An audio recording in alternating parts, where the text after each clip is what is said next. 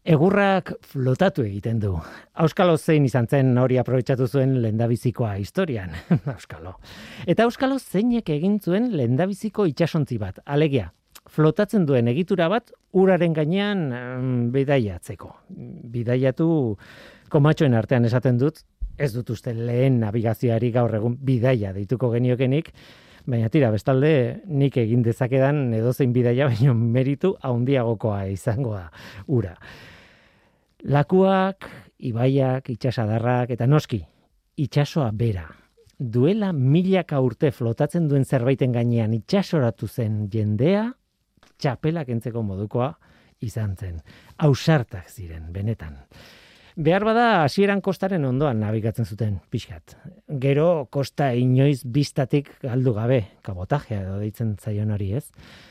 Eta denborarekin, itxaso zabalera abiatu arraunekin edo bela batzuen bitartez edo biekin aldi berean eta bidaia harrigarriak egiten zituzten. Itxasoko monstruak ezagutu zituzten, urrutiko lurraldeak deskubritu zituzten. Jendea, jende arrotzarekin negozioak egin edo zuzenean borroka egin edo kolonizatu edo auskalo. Batzuek ies egiten zuten itxasotik. Ies egiteko arrazoiak eta horretarako aukera baldin bat zituzten noski arrazoia bata zein bestea izan, gero eta urrutiago egiten zuten navigazioa. Baita itxaso zakar eta arriskutsuetan ere.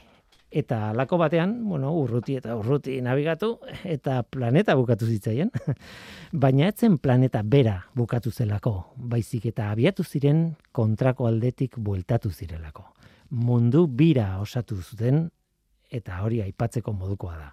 Hori mila bosteun da hogeita bian izan zen. Kaixo denoi zer moduz mundu bira, bidaia bera, mila bosteun da emeretzean hasi zuten eta hiru urteak irauntzuen bidaiak gutxi gora bera. Beraz, hiru urte zari gara bosteun garren urte hurrena ospatzen. Norteko ferrokarrila bidaian bereziki zientziaren begiak jarrita. Eskerrak Elkano Fundazioko jendeari haiek lagundu eta gidatu diatelako prestaketan. Besteak, beste, ba, erraztu egin diatelako izugarri gaur izango ditugun edituekin kontaktua egiten. Eta era berean, eskartu behar diet, ba, elkarrizketa honetan parteatuko dutenei, aditu, ei, bi historialari ditugu gaur gurekin, Lourdes Odriozula Oiarbide eta Álvaro Aragon Ruano. Gainera, Alba Olako Xabiera Gotea Izpurua untzigilea izango da gurekin eta Euskal Herriko Unibertsitateko Naiara Barrado Izagirre astronomoa.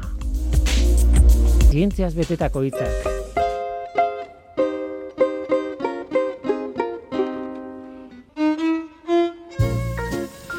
Gehiena itxasoa da. Ozeanoa.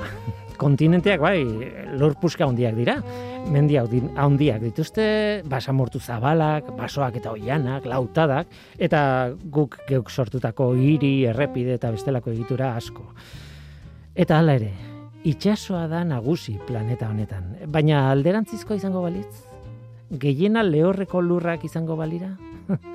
Orduan mundu bira beste nolabait ikusiko genuke.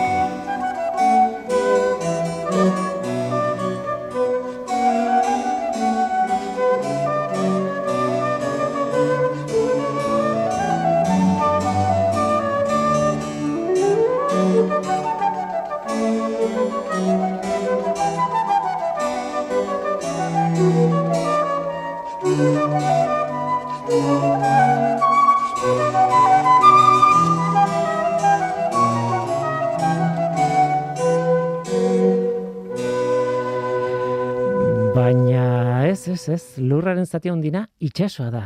Eta mundu bira itxaso egin zuten. Lourdes Odriozola, kaixo, ongitorri? Berdin. E, Euskal Herria gainera itxasoarekin harreman oso handia izan du, gainera, nik, bueno, nik behintzat betidanik izan du, baina navigazioarekin behintzat erdiarotik seguro izan dula oso harreman handia. Ez dakit erraza den testu inguruan jartzea nolakoa zen harreman hori, amaseigarren mendea, hain zuzen ere, ba, elkanoren mundu bira gertatu zen garaian. E, ez dakit imaginatzen dugun, nolako harremana zuten Euskaldunek itxasarekin. Ba, bueno, beti haitu dugu, ez, Euskaldunak eta itxasoa beti lotuak izan direla, eta amaseigarren mendea da urrezko mendea. Momentu honetan, ba, iten dira hainbat lurra eta hainbat ibilbide itxasokoak eh, bilatu eta aurkitu, terranoakoa, Amerikakoa eta hori dena, eta hori, ba, bueno, dena iten da itxasuntziarekin, eta hortarako teknologia behar da, eta momentu horretan Euskaldunok, eta hor barruan gipuzkoarrak, dakagu munduko teknologia onena, orduan bihar dugu itxasoa, ba, merkataritzaiteko, bilatzeko bihar dugun alika, e, elikagaia, zati gaur egunean, jende asko totzen da Euskal Herriera, eta fama, oso famatua dira gure gastronomiaren gatik.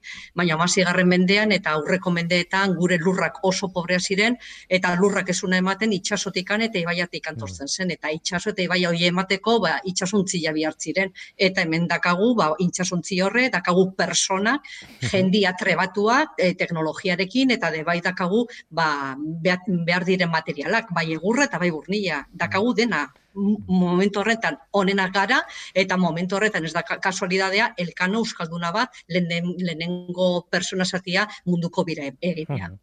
Esan daiteke zure espezialitatea dela e, historia, bueno, e, historiako ikerketan eta aritu zara eta ikasi duzu eta ikertu duzu, e, esan daiteke espezialitatea daukazula itxasoarekin. Ba, bai, pensatzen bai, hasi nitzan goan dela ba, ila hogeita mar urte, nire tesisarekin, kesantzen untzi egintzen egipuzkoan emesortzi garren mendean, eta zen momentua, ba, untzi egintzaren buruz gutxi zegoela, eta hortikan aurrera, ba, joan naiz, ba, in, mende desberdinetan ez ikertzen, amasi garren mendetikan, emeretzi, e, oi mendera, landu dude e, bizkaia, baina nire e, gaia nagusia da untzi egintza, ba, ba, amasi garren mendetik anoi garren mendean bereziki gipuzkoan gehiena ikertu dutena, bai e, Euskal Herriko artxibotan eta bai Espainiko hmm. e, artxibotan basan da gaia hori. Bai. Eta da gehiena gustatzen zaitena, eh? Gehien gustatzen zaitena, ez da harritzekoa. Xabira Gote, kaixo. Bai, eh, ongitorri. Kerrik asko. E, albaolako e, nagusia, untzigilea, artisaua, nik ez dakit nola orkestu zaizun, baina nik esango nuke, oso ezaguna zarela eta oso ezaguna dela zure zure lana e, besteak beste albaolan ari zaretelako erreplika bat erreplika esan dut untzi bat eraikitzen baina ez da e, guk gaur aztertuko dugun garaikoa ez e, geroagokoa da ez Bueno, San Juan eta zari badin basea, masi uh -huh. da. Hain zuzen, mila bostunta iruita bosgarren urtean, e, paseatik abiatu ondoren, e, labradorren ondoratu zana. Hmm. Orduan, ez dago inurruti e, orduan el, el kanoren Victoria ontzia den ia garaikidea da, ez? E, bakarrik berrogei bat urte e, tartekatzen ditu e, bi ontzi horiek, orduan ba, ba esan dezakegu garei hortakoa dela. Hmm.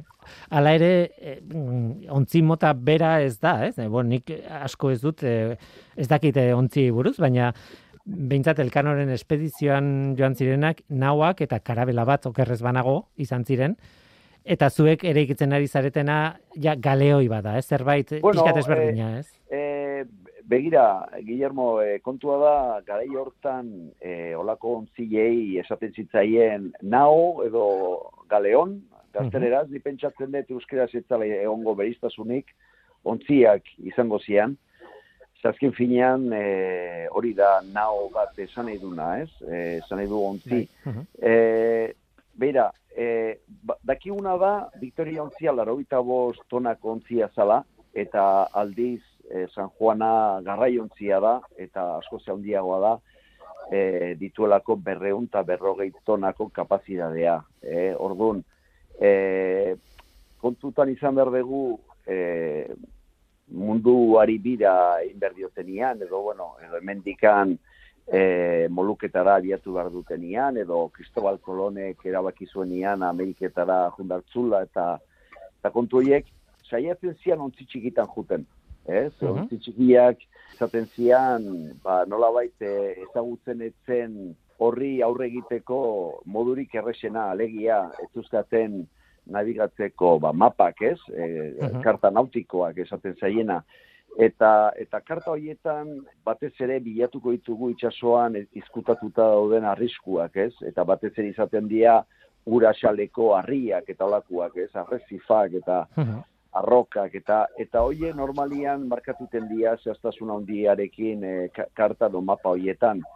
Eta mapak euskatenian, ba orduan e, saiatzen zian sarkura gutxi kontzioietan e, abiatzen eta horretikan eramatzen zituzten ontzi txikiak. Gero lanerako juten hasi zirenian, e, eta batez ere bale olilua garraiatzeko asmoarekin, ba, saiatu zian orduan ontzioiek aldatzen, egokitzen e, eta birtu zituzten zama ontzi, ez? Baina nasirako deskubrimenturako erabiltzen zian itxasontzioiek etzian bat ere zama ontzia, baizik eta itxasontzi batzuk asko txikiagoak eta harinagoak. Albaro Aragon, Kaixo, historialaria zu ere bai. Kaixo.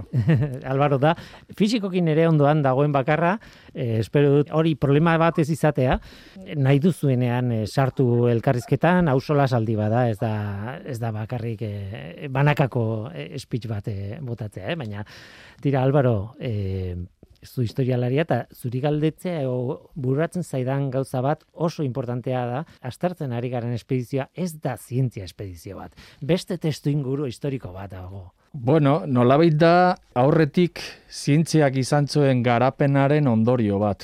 Nolabait amairu garren mendetik e, Europa mailan ari ziran aldaketa batzuk ematen, e, nolabait autore batzuek esaten dute ba, perspektiba edo pentsaera kualitatibo batetik pentsaera kuantitatibo batera pasazela, e, batez ere ba, e, musulmarren gandik e, jasotako algebra eta matematikari esker, eta horri esker, ba, zizian nolabait errealitatea beste modu batera e, neurtzen. Hasiera batean denbora eta gero geografia.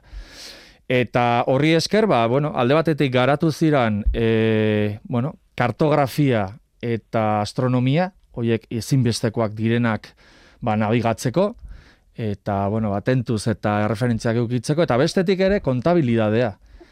Eta kontabilidade horri esker, ba, bueno, e, merkataritza eta estatu eraiketa sortu zian, nola baita, edo garatu ziran. Orduan, bueno, e, hori guztiak ere ekarri zuen ba, teknologia eta zientziaren garapena.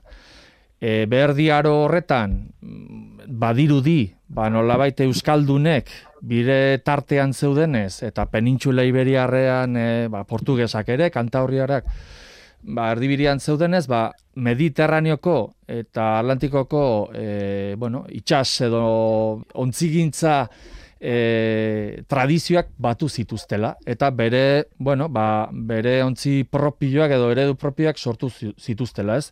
Hasiera batean kokak, gero xago naoak, e, karabelak, karrakak, galeoiak, Bai, horre, horren ondorioa, ondorioa da, gehien bat. Nola nahi ere, haien helburua, e, espedizio jakin honeten helburua, claro, askoz, bueno, ekonomikoa da, da, eta gainera, e, kontestu geopolitiko oso berezia du, ez? Bai, bai, azken batean e, beraiek nahi zuten eskuratu, ba, asiatik e, zetozten espeziak. Hori momentu horretan, e, bueno, ba, gai estrategiko bat zen. E, adibidez, mm, Basko de Gaman espedizioa kontatzen danean, e, kalikute aiatu zela, bueno, egon, egontzan hor tarte batean, baina gero kanporatu zuten, nunbait eta bar, ba, bueltatu intzan, eta etzun aukerarik izan karraka batean zihun, baina etzun aukerarik izan barko osoa kargatzeko. Baina kargatu zuenarekin, Europara bueltatu Lisboara, eta e, eukizun irumila, euneko irumilako e, benefizioa. Osea, pentsa, garai horretan, e, espeziek zenolako, bueno, etekina eskura zezaketen, ezta? Gerora galdu egin zuten balioa gainera eta eta mm. baina momentu horretan oso oso oso importantea. Claro, eh, gero ja mas azpi 18 garren mendean eta bueno, pues eh, ohikoagoak izango dira biraiak, hortartian eh, holandesak egongo dira, ingelesak, frantsesak eta bar eta bueno, ohikoagoak izango dira eh, Europako merkatu eta ordun bere balioa jaisten dare bai. Egila da gaina gero industrializazioarekin, bueno, ba, beste gai berri batzuk sortu ziela eta bueno, espezieak ba, bere balillo, hainbesteko balillo hori galdu, galdu zuten, baina bueno, gaur egun ere oso garrantzitsuak dira edo zen e, sukaldaritzan eta eta gure munduan osoituta gaude hortan. Lourdes, zuk Eta gaina de bai e, sartzen dira merkatuan beste produktu berriak, adibidez kakaoa, eta hor berriro Gipuzkoarra dakago 18. mendean. Claro, Amerika. Orduan hemen daude interesa batzuk eta hemen ba bueno, sakate monopolio gainea, ez? Mm. Espainiako eta eta Europara bialtze zuten kakao dena eta berriro sukaldaritzarekin gaude mm lotuta, baina de bai pentsatu behar dugu, ba bueno, sakatela inbeste balorea, baina Euskal Herriantzako de bai oso garrantzitsua izan zirela hainbat elikagaiak harri zirela Amerikatikan, ez? Ba, barrunak, e, patata, tomatea, piperrak hainbat gauzak orduan, ba, bueno, ba, esaten duen bezala albaro, ba, mendean hasieran espezia dakate balore handia, baino gero daude beste e, produktu batzuk e, ba, beste balore hartzen dutena, eta amase mendean espezia bezain balore handia hogeiago daka bale e, olioa, ez? Zain esaten dena, orduan, ba, bueno, ba, gaur bezala merkatuan daude gauza bat batzu, baino merkatu hori joten da aldatzen eta hor daude ba, persona batzu, daude tresna batzuk, interesa geopolitiko eta, eta ekonomiko batzuk, eta hemen askarrena ibiltzen dena, ba, bueno, ba, etekinak gehien hartzen duna. Bai, gainera, nik, eh, bueno, nire impresioa bintzat bada, eh, garestiak zirela espedizio hauek eta bidai hauek, baina, karo, eh, Alvaro esaten zuena, ez? Lourdes, eh, etekina izugarria gero ondo ateatzen baldin bazian gauzak. Bai, eta bueno, ba, oso garestia ziren, eta gaina pentsatu behar dugu, que espedizio hauek kesian beti ordaintzen o prestatzen diruarekin. Amasigarren mendean, dago produktu bat Euskal Herrikoa, gaur egunian oso modan, bade bai sakala diruaren balorea, eta da sagardoa. Huh? Zati, espedizio hauetan, eta biratzen baldin bada dokumentazio artxibokoa, prestatzen direnian espedizio hauek, ba, esaten dute, onber dutela hiru produktua itsasoan, ba, bueno, ba, e, marinaren e, e, dietan, ba, dira, o, e, bizkotxoak eda hogi garratza bat, olio eta sagardoa, sagardoa esaten zuten, zati eskorbutua, ba, bestentzuna, gaur egunian daude ikerketa batzu, esaten dutena, hoi ez dela egila, baina ah, garren mendea, emesortzi garren mendea daude medikuntzako liburu batzuk, mm. adibidez, esto, Real Kompainia Gipuzkoan las de Caracasco mm. medikoak egintakoa, eta hor, et, eta mm. posible, es, es, e, posible da ikusi akuarengo museoan, eta hor garbi agertzen da momentu horretan zaten dena eskorbutua zaintzeko babesteko ba sagardoa zela elikagaian e, nagusia. Egia edo gezurra sagardoa daka bai, bat esto balorea eta prestatzen dira. Eta gainea beste gauza bak hemen e, bidaia hauek itentzian seguruarekin. Gaizki ateratzen baldin bazen beti babesteko gaur egunean bezala eh Orduan, ba, bueno, ba, zen oso komplexua, azpiegitura aldetikan, antolaketa aldetikan, eta bai diru aldetikan, baino ondo ateratzen baldin bazen, eta gehienetan ondo ateratzen da, betekinak oso oso ondia ziren. Xabi, eh, navigazioarekin zerikusia daukan zatiak, dauka zerikusia ondia zintziarekin, eh, bueno, ordurako iparro ratza erabiltzen zuten, baina eh, astrolabioa erabiltzen zuten asko, eh, bai estilla, ez dut orkitu nola zaten den euskeraz, baina azken batean sextante baten hasierako tresnak da. Baina navigazioa zaila zentzuk nola ikusten duzu navigazioa garai hartan orientatzeko jakiteko nuntza den ere bai. Bueno, e, beira, e, dakiguna da, ez dukatela bate arazorik e, kokatzeko ipar egoalde tarte horretan, ez? E, alegia, latitudea bilatzeko, hori nahiko simplea da. Baina oso berandu arte, ez zuten jakin izan, longitudea zehaz, zehaz zehaztasunez e, kalkulatzen, hori uste temesortzi harremendeko kontu bat dala, ez? Hori da, hori da. E, bai, orduan, e, horretik izan zian, elkanore, oi, elkanoren garaian, e, istiluak izan zian, ba, portugesak eta kastillanoen artean, ba, delimitazio famatu hori zehazteko, ez? E, ze, bakoitza zehatzen zen, ba, bestearen terrenoan sartzen, eta eta berandu beranduago arte ezin izan zuten erratazka hori konpondu behar bezala, ez? Horreatik uste zuten ja e, portugesa lortu zuten ba hori, ba espainolak e, Filipina alde, aldera bultzatzen ez, eki alderago uste hori izango zala espainolen eremua, baino antza denez, ba oraindikan Portugaldarren eremuan sartuta zeuden, hori asko ze beranduago konprobatu izan zuten. Hmm. Edo zein kasutan, hauek, hauek hasi ziren, zuk hasiran esan duzun bezala, noiztik ez dakigu, E, baina negia da, badago kontu bat ez, askotan e, lotzen dute gure tradizioaren hasiera bikingoenekin ez, eta hor badago bikingo mania bat, e, baina oso gutxitan aipatzen da, edo lotura egiten da erromatarrekin, ez? E, azken finean erromatarrak oso oso e, tradizio, oso teknologia garatuta zeukaten, honea iritsi zien, bos mende pasazituzten gure artean, bakigu portua zeuzkatela eta jakina hemen egingo ziala itxasontzi asko, ez? E, aurretik ere nabigatzen zuten Euskaldunak, hain zuzen erromatarra dia ipatzen dutena nola hemen larruzko txalupetan nabigatzen zala, ez? Hmm.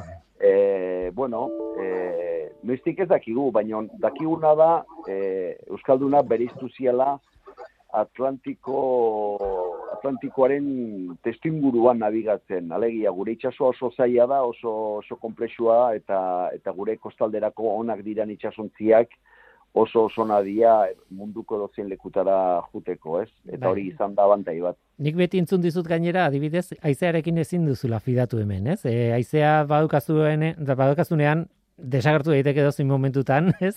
Bai, horratik garatu da hemen arrauna inbeste, horratik arraun egiten da gaur egun e, estropadetan, ez? Ba, ala beharrez arrantzaleak batez ere, ba, egunero arrantzara jun zutenian, bazekitelako, ba, ba, aizia zutela izango beti alde, e, ba, ba beste lekuetan ba ohikoagoa izaten dan bezala, ez? Orduan hemen arazo horri aurre egiteko hemen garatu zian e, ba bueno, arraunian e, nabigatzeko ontzilak, bat traineruak, e, bestelako txalupak bai, mota askotako txalupak.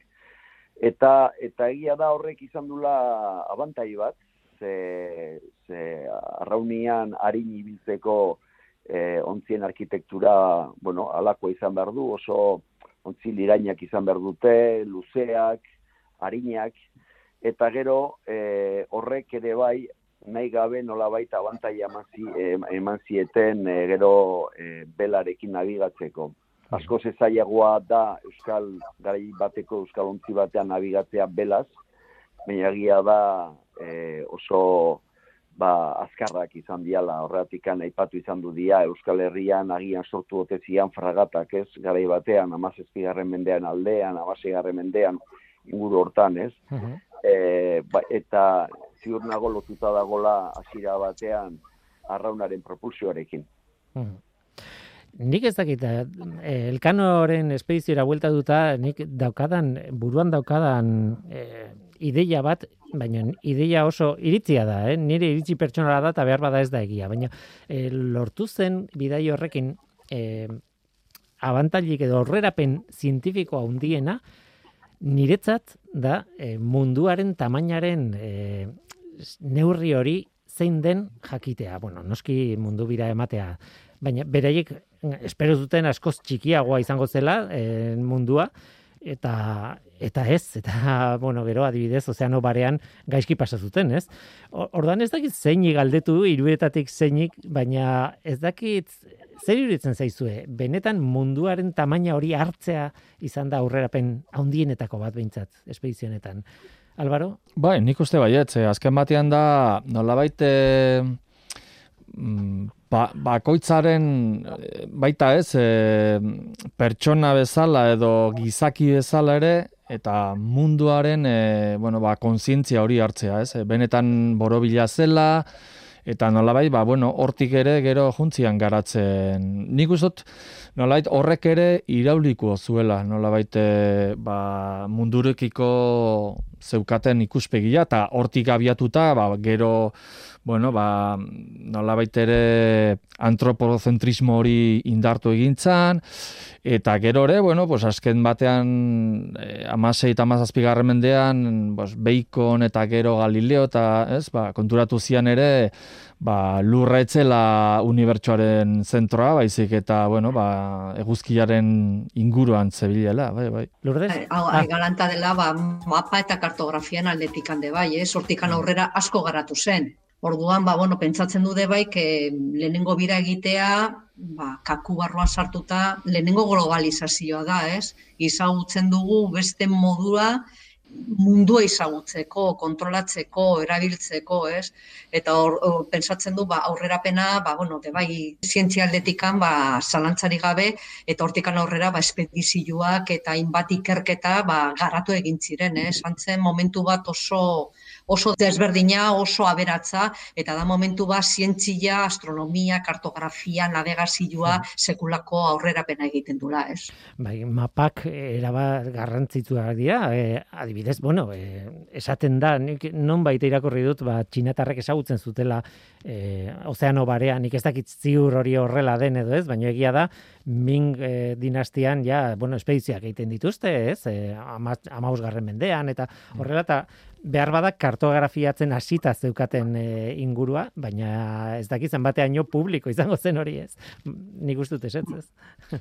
Ni pesatzeu, horren kartografia da mundu osokoa, ez, ez da satika, ez, orduan leno e, jakitzen zena, ba, mm, bira hau, melkanoko bira hau, bada tresna bat oidena elkartzeko, paso ba gehiago emateko, eta susaten duzuna neurria, distantziak eta oidena, ba, zehatzagoak egiteko, eta inbat, e, ba, ibilbide desberdinak lantzeko, bilatzeko, eta, ba, bueno, ba, jendia, ba, muitzeko munduan asko segeiago, ez? Maten duen ezke, bueno, guan gaude muitzen garela asko, baino, biratzen mali mauzu dokumentazioa, ba, Euskaldunak, esate, ba, ni beti dani herriontakoa, baina azte maldin basea iten ikerketa bat edozin familiana, ba, biratuta ba, Elizbarrutiko dokumentazioa ikusten duzu garai horretan da bai jendia motibo bategatikan o beste motibo batikan asko muitzen zela eta ez dela kasualidadea ba jendia ba gune oleku berezi batzuetan kokatzea Euskal Herrian, ba. ez? Eta eta gune konkretu hoiek nagusiena dira itsasortzean eta ibaia inguruan, ez? Eta hortikan inguruan ba sortzen dira hainbat harremana gizartekoa, politikoakoa, e, ekonomikoakoa eta horrekin de bai hainbat abantaia zientziarekin lotuta eta hor barruan untzi egintzarena. Eta gaina pentsa hori ja behin buelt, e, munduari bira eman da, jendia pentsatuko zuela, bueno, ba, gai gea edo zen gauza egiteko. Esan eta ja, geratzen zitzaiguna zen munduari bira ematea. Bueno, ba, mendik aurrea, jongaitezke polo batera, beste polo batera, joan gaitezke lur berriak eh, arakatzera, eta nik uste dute alde hortatik ere izango zuela bere eragina, ze hortik aurrera, ba, hasiko dira besti bide batzuk egiten, bueno, horretik ere eginak zeuden, kabototarrak eta bar, baina bueno, ba, ez dakit, nolait, horrek ere nik uste dute Europearrei gehien bat, ba, konfiantza eman ziela bere, bere posibilitateetan eta bere, bueno, nolabait zientza eta teknologian, ez da. Zuk Xabi, navigatu duzu desente, ezagutzen duzu garaibateko teknologia, eta ez dakit ezagutzen, zenbateaino ezagutzen dituzun garaibateko mapak, baina pentsatzen dut, mapeatuta eukitzea ja aurrerapen handia da, baina mapa batzuk akatsak izango dituzten, beste bat ez dakit, ez? E, bai. Kontua ez da batea garbia, ez? Ez, hori da, eta gainera pentsa zulen aipatu ez onditasuna, ez, munduarena, ez zuten esperoi e, ozeano barea inondia izango zenik, inolaz ere, eta gainea horren adibidean ikuste dala elkanok handikan urtera antolatu zuen bigarren espedizioa, ez? Mm Ja, ontziak asko ze handiagoa dira, aurreko espediziokoak baino, mhm. eta eta hori oso importantea zan, ba, bueno, ba, beharrezkoa zian elikagai guztiak eraman alizateko, ez? E, egia zan, e, gorriak ikusi dituzten e, mm ozeano barearen erdian, eh? Bai, e, bai, eta orduan ba, nik uste dut e, hemen ere bai dagokigula aldarrikatzea elkanoren lorpen hori ez, munduari bire amatea, ba, eta elkanoren figura bera ez, e, askotan jende asko badago indikan elkano zein dan ez dakiena. E, nazioarteko giroan, itxas museoen arteko giroan, nere bai e, oso jende gutxi topatu dut, e, elkano ezagutzen duena. Eta, eta hori egia zan, ez da bat ere, bat ere bidezkoa, ze aldarrikatu behar duguna neustetan da, elkanok egindakoa izan dela mundu hontan, e, inoiz lortutako e, mugarri geografikorik handiena jarri zula elkanok. Uh -huh. e, zate mundu hontan, zoain ibiltzen hasi dia, ez, ba, ilargira jun, jun ginen, ez, denok, eta orain, eta orain, eta orain, e, hori mart, martekin ari dia, ez, eta hori sekulakoa da, ez, e, baina egia da, e, mugarri geografikoak aipatzen direnean, gehienetan izaten dira, e, ba, nola baita emeritzi garren mendeko lorpenak, e, nahiko ba, eberesta igotzea, edo e, edo zea, edo iparpolo eta ego polora jutia, eta hori dana, ez? Nesta lorpen handiak izan zian, asko ze ospea handiagoa dute elkanok egin izan zuena baino, eta ez dugu astu behar, eta beti aldarrikatzen dugu, Victoria ontzia Euskal ontzi bat izan zala. Bai. E, eta, eta, bueno, ba, ez dakit, ematen du, ba, ez dala izan, ez, horrelakorik, edo, edo, ez dakit, eta, eta egia da, eta ondo, ondo aizeate, irretizai honekin, e, al, elkanoren, elkanoren izena, hori, e, goreipatzeko alegin honetan, ez, e, oso beharrezkoa da. Eta gainera ikus... Eta gainean ikusten du, kontuan esan behar duguna, elkano bukatzen dunean e, munduko bira, zegoeran hasi zuten bigarren zati hoi, ez, bidaiarena, ez? Esen egoera egokiena, nik usten dut oso ausartak, oso trebea, eta hor de bai, ba, dela dibide bat, que ez dela kasualidadea elkan osatea euskalduna bat, egintzuna bira hau, dago izagutza bat handia itxasoarena, ez? Getarian egiten da, ospatzen da, ez, elkanoren iritsi, iritsiera, Baina benetan etzen getarian gertatu, baizik eta Sevillaan, ez da, Lourdes?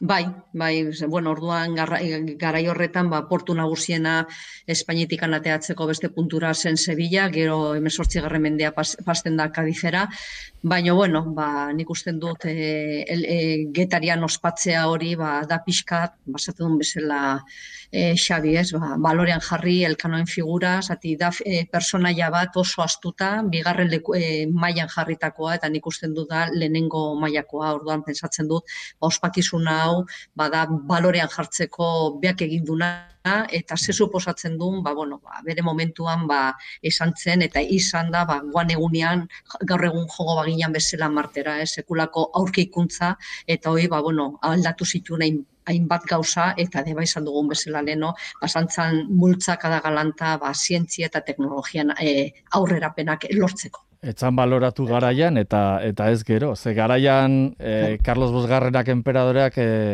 ba, agindu zizkion bosteun dukatu e, urtia eta azkenean ez, ez zitun kobratu. Egia san. Gero, bueno, hiltzanan e, e, loa izaren espedizioan, eta, bueno, dena aztuta, ez? Baina, bueno, karo, e, garaian ere zitzaion asko baloratu egin zuena. Ez berari, ez? Berari ekin zijoazten nahi, ez? Ez, egia esan, ez. Izaldi bat entzun nuen, e, hmm. zer gertatu zen berei egin, osea, bueltatu ziren bai. emesortzi pertsona horiekin, bai, bai. zer gertatu zen, eta... Ko, kobratu zituzten bere soldatak eta bar, baina gehien bat, e, bueno, e, lortu zuten dirua, handik ekarritako espeziei esker.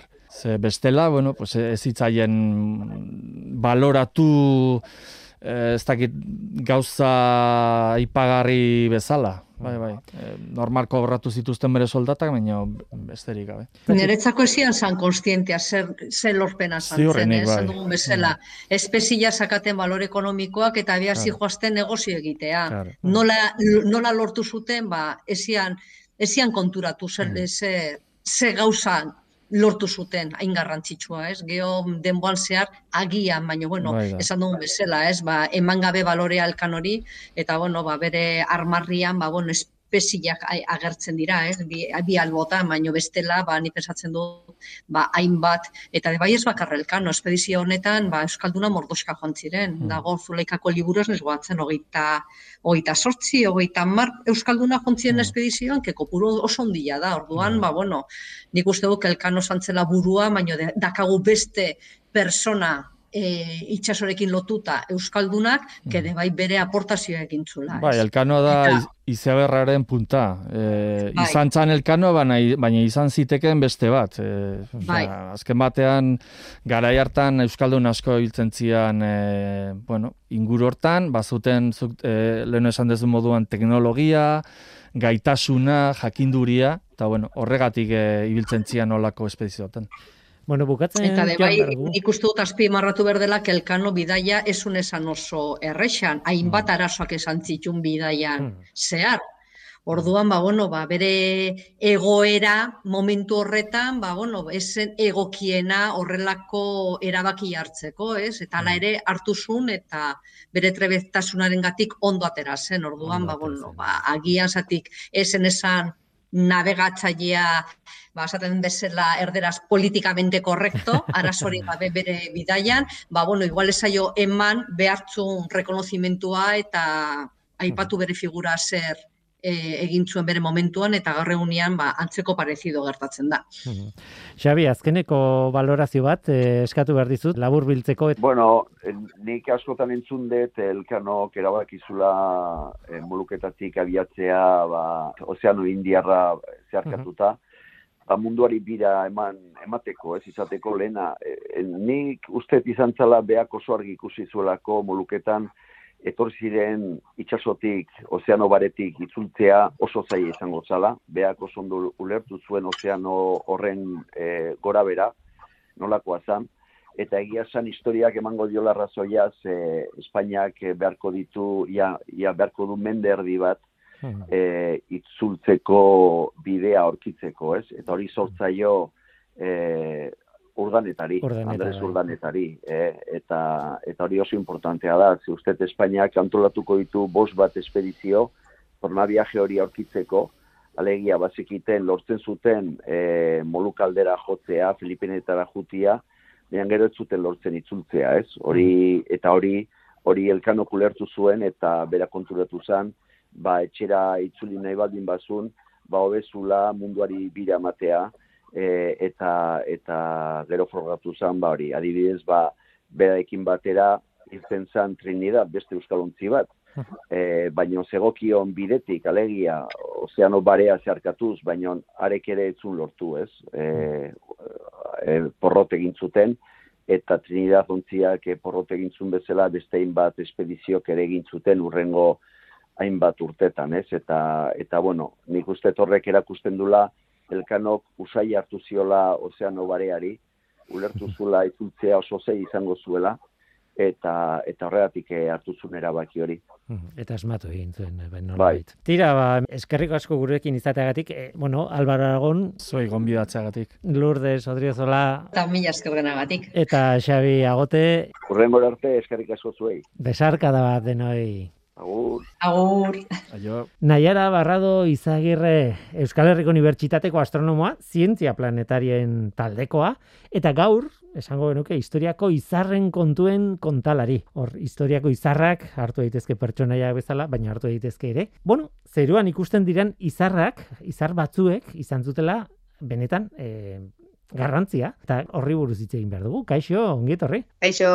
Navigazioari buruz hitz egin behar da noski eta ez dago bat ere gaizki gogoratzea garai batean izarrak zirela baliabide. Ez dakit, ez etzen bakarra eta behar bada etzen garrantzitsuena, baina garrantzia handikoa bai, izarrak erabiltzen zituzten, baina claro, e, gure lur planeta honetan e, lehorreko zatia, lurra nolabait, iparraldean dago gehien bat, noski egoaldean badago lurra, lehorrekoa, baina e, ozeanoak gehien bat ego hemisferioan daude, eta beraz, e, nik orain belauntzi bat hartu eta navigatu nahi baldin badut munduari bira bat emateko, ba, gehien bat egoaldetik joan beharko dut. Eta horrek esan nahi du, egoaldetik ikusiko dudala ohituta ez nagoen zeru bat, ez? Ze aldea dago iparraren eta egualdearen artean? Ba, aldean diena da, zirkunpolarrak deitzen diegun izarroiek, ez? Uh Zirkunpolarrak diren izarrak, adibidez gure e,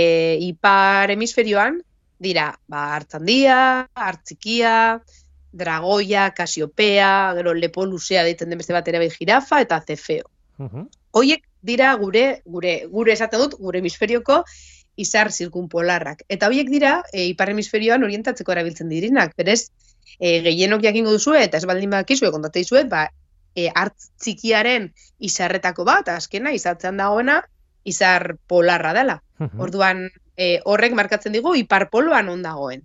Orduan, horregatik, horiek e, erabiltzen dira orientatzeko. Ze daude, beti, zeruan, gure zeruan, gure ipar hemisferioko zeruan, beti ikusten dira. Berdin du zein urtarotan gauden, hoiek ez direla ez jartzen, ez, ez, sea, ez dira ez ateratzen, ez, ez jartzen e, bueno, goizaldean, ez? Ez dira ez Orduan, eguzki egongo ez balitz, hor egongo liratek ere bai. Hori, ikzar horiek beti daude zeruan.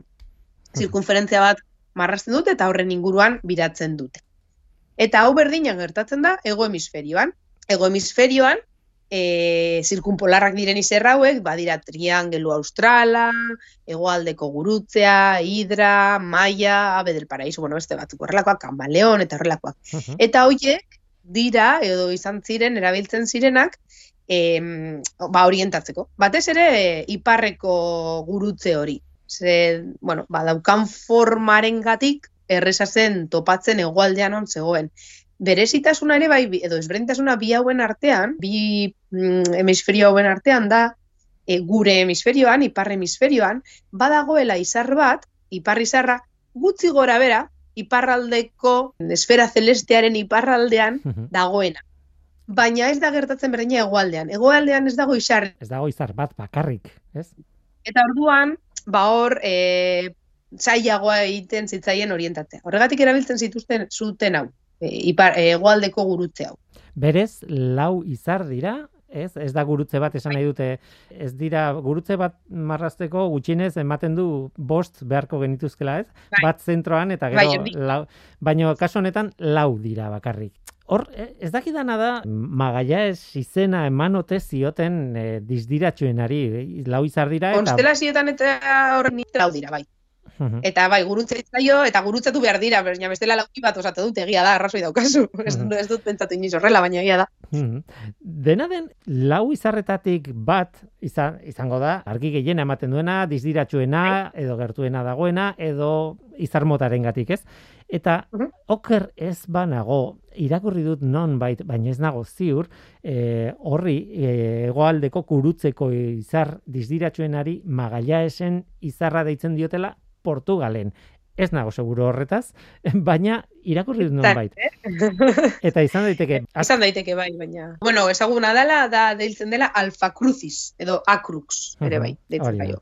hori da. Eta hori ja, esan bezala, ga, e, dizdiratzuena, eta hori bere kontrakoarekin lotzen baldin badugu lerro zuzen bat osatuz, Mhm.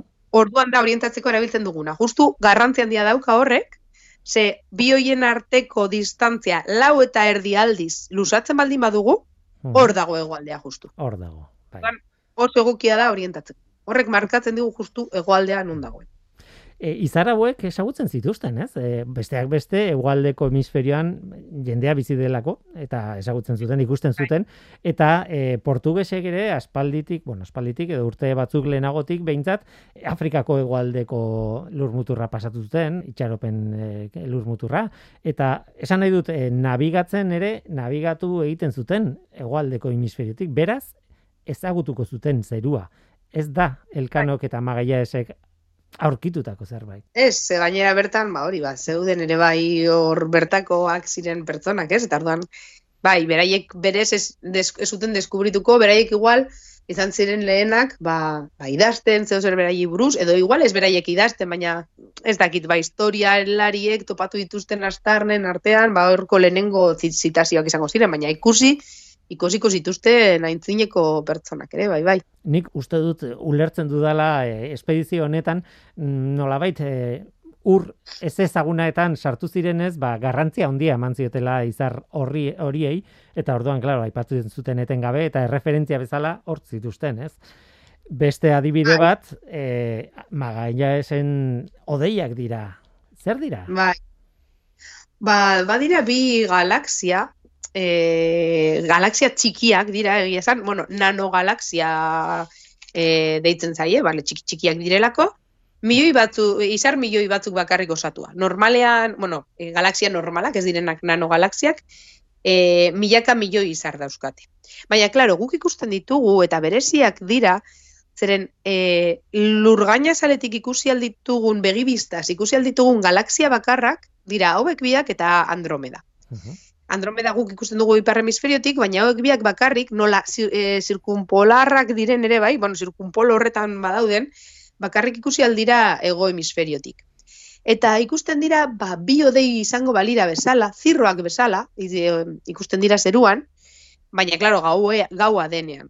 Gaua izan behar du oso iluna, hau da, ez da egon behar ilargirik, o hobeto. Eta oso garbi egon behar du zeruan ikusi ahal izateko. Ez dira errezak ikusten, baina oso handiak dira. Bera, bueno, handiak, e, zeruan esan nahi dut, beren itxurasko tamaina oso handia da. Amar eta hogei, eta hogei aldiz ilargiaren tamaina daukate. Orduan handiak dira, baina ez dira oso dizdiratzuak.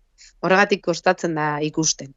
Eta ba, lurretik, eh, bueno, lurretik edo gure, hobeto esan da, gure galaxiatik gertuen daudenetarikoak direnez, ba, horregatik ikusten ditugu, baina esan bezala, e, txiki txikiak dira, galaxia, galaxia bezala.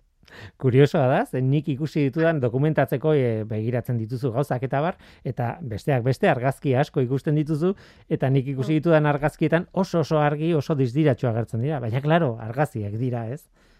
Claro, ba, imaginatzen dut hartuta esposizio luzeekin eta horrela, horrelako, jo, argazki hain politak daude zeruanak, ez? Hartuta esposizio luzeak hartuta, eta gero ba kontrasteak emanda eta horrela, horrelakoak izango ziren argazki horiek imaginatzen dut, baina aber ikusi ikusi aldira, esan bezala, begi bistaz ikusi aldira, eh? baina ba hori kostatzen da, e, zeru ilunak egon behar dira eta Eta ikusten dira. Bon, Andromeda ere bai ikusten da, hemendik eta saia da ere bai ikusten, claro.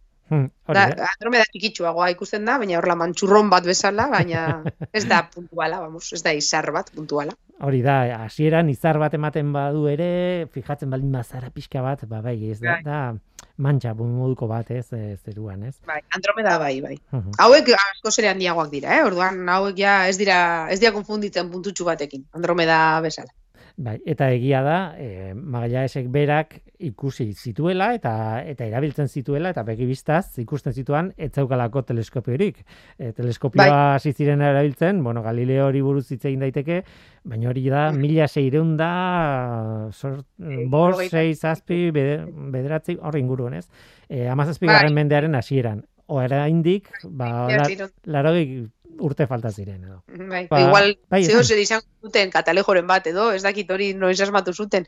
Ose, aurkikintza hauekin beti dago beti polemik handia ere, bai, ez? Uh Galileo izan zen lehena katalejoa edo teleskopia asmatzen eta gero, baina bai, ba, zeuden txinatarrak edo beta saber, ez? Baina, bueno, ez dakit. Igual zeo zer bat zeukaten, baina ez, begibiztaz ikusi zuten, bai. Nik entzun da edo irakurrita daukadana da, e, teleskopia katalejo zuke esan dizuna, ez? Urruti ba. begiratzeko bi lente elkarren ondoan jartzeko asmakintzu, asmakizun hori izan zela e, erberetan asmatu zuela optikan eta espezializatuta zeon e, bueno, tipo batek eh, asmatu zuen. Baina o, e, mereiz, amasei garren mendearen bigarren aldean. Esango nuke oraindik elkanoren garaian etzegoela horrelakorik. Lenteak bai, ba, lenteak ongo ziren, baina, baina bi lenteak elkarrekin eta manipulatzeko kontzeptu hori. Bai, hori lenten manipulazio hori, bai. Oraindik ez zegoela, ez. Vale, vale. Uste dute. Ni ere bat argi, eh? Ni gainera datekin galdu egiten naiz pilo bat, hain, hain, hain, da, hain pasatu da denbora. Buf. Hori da, hori da. Aipatu nahi nuen, ez? E, ma, elkanoren espedizioaren zientziako puntuen artean bazen importantea astronomiako puntu hau, bueno, besteak beste, e, magalia esen izenak jaso dituztelako izar batzuk edo galaxia batzuk edo, eta, e, bueno, beraientzat nabigatzen ari zirenez oso oso kontu garrantzitsua zen. Ondorengoek ere, jakingo zuten hauen berri, haiei esker, eta erabiliko zituzten hemendik aurrera. Beraz, astronomia aurreapen zientifiko importantea zen nabigatzaile haientzat. Ah, bai, hori izan behar nuen, gaur egun oraindik navigazioan ikasten dutela. Ingenieritza eskolan e, ikasten dute oraindik e, ikasi behar dutenak nabalekoak eta horiek oraindik ikasten dute astronomia, bai, bai, guztiz. Garrant. eta behar bada arrazoiakin, ze, bueno, nik e, nabigatzailei entzun izan diet, GPS-a hor dago, eta argi dago oso erabilgarria dela GPS-a zalantari gabe, baina itxasuan zaudela e, ur gaziarekin, ez dakiz zer, eta gailu elektronikoak pentsatzen duzun momentu okerrenean eh, ondatu egiten direla, ez? Beraz... Ia, zei, abandonatuta. Orde, ordezkoren bat behar duzu, claro, claro. bai, bai. Tira, ba, hau izan da, astronomeriari dagokionez, jakin nahi genuen agutxi grabera eta aipatu nahi genuena elkanoren bidaiari dagokionez. Badago asko hitz egiteko, baina hementxe utziko dugu iruditzen bazaizu. Naiara Barrado Izagirre Euskal Herriko Unibertsitateko astronomoa. Eskerrik asko. Zuei.